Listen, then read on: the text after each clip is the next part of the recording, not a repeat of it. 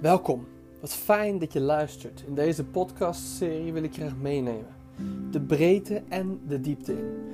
Om te ontdekken wat Matthäus allemaal uitpakt aan thema's in die laatste paar versen van zijn evangelie.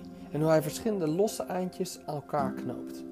Ik hoop en bid dat de podcast je bemoedigt en sterkt in je geloof en vertrouwen in de Vader, Zoon en Geest. Hoe gaan we dat doen? We zullen deze vijf dagen vier thema's bespreken. Elke dag zal ik beginnen met het lezen van de tekst, elke dag uit een andere vertaling. En daarna zullen we de diepte ingaan, waarna we afsluiten met een praktische toepassing. Ons doel: God leren kennen en samen op Jezus gaan lijken. Ga je mee?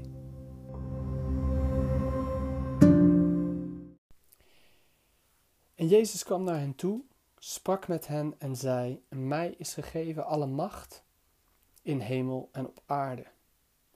Ga dan heen, onderwijs al de volken, hen dopend in de naam van de Vader en van de Zoon en van de Heilige Geest, hun lerend alles wat ik u geboden heb in acht te nemen.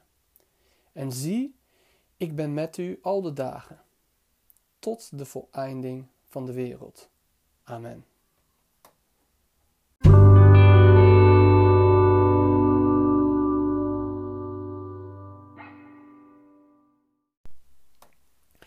In de ontwikkeling van thema's heeft Matthäus veel oog voor het Oude Testament.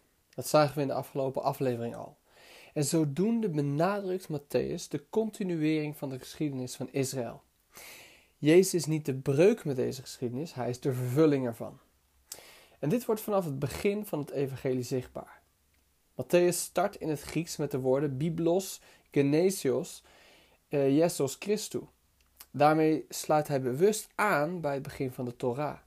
Je hoort misschien al het woord Genesis er doorheen klinken. En daarnaast vinden we in de Griekse vertaling van het eerste boek van de Bijbel twee keer precies zo'nzelfde zinsnede in hoofdstuk 2, vers 4 en 5, vers 1. En Matthäus zet daarmee gelijk de toon. God begint hier iets nieuws, vergelijkbaar in omvang met de schepping. Jezus volgens Matthäus ook de vervulling van de Exodus. Zo wordt duidelijk in hoofdstuk 2 met de verwijzing naar Hosea 11, vers 1. En zo kunnen we nog maar even doorgaan, maar het ontbreekt ons aan de tijd. In de laatste aflevering hebben we uitgebreid gekeken naar de verbindingen met Daniel 7. En vandaag zullen we dat doen um, in um, verbinding met 2 Kronieken 36.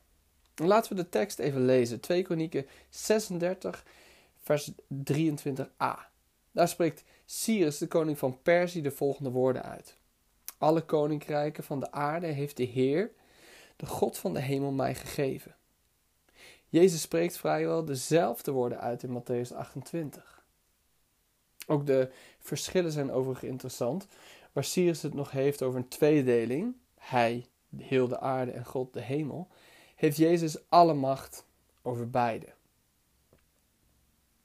Op zichzelf is dit een interessant gegeven.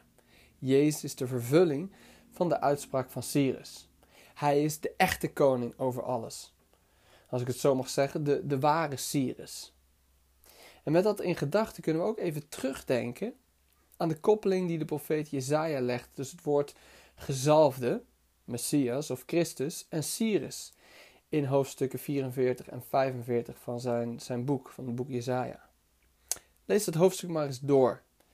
We mogen die teksten ook lezen als een voorafschaduwing van de grote koning, die de herder is, aan wie alle volken onderworpen zijn en die hij laat komen in gerechtigheid. Jezus, hij die werkelijk bevrijdt uit ballingschap.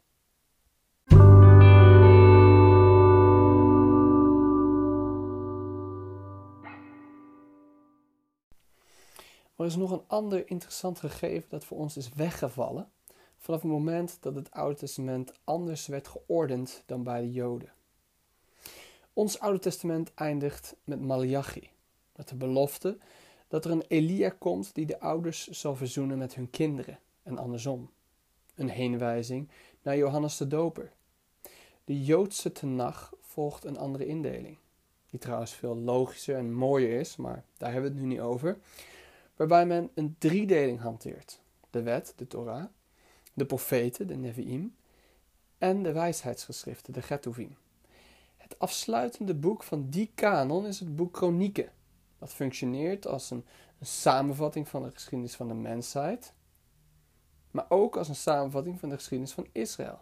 En dat boek sluit af met de uitspraak van Cyrus, aangevuld met een oproep om de tempel in Jeruzalem te herbouwen. Dat is een wonderlijk gegeven, want het evangelie van Matthäus, waarin zoveel lijnen met het Oude Testament lopen, begint met de Genesis van Jezus Christus en eindigt met de kronieke uitspraak: Mij is gegeven alle macht in de hemel en op de aarde. Waarna de oproep klinkt, als ik dat zo mag zeggen, tot de bouw van een wereldwijde tempel met stenen uit alle volken. Wat briljant in elkaar gezet en wat een hoop voor wat er nog gaat komen. Zie, ik ga iets nieuws verrichten.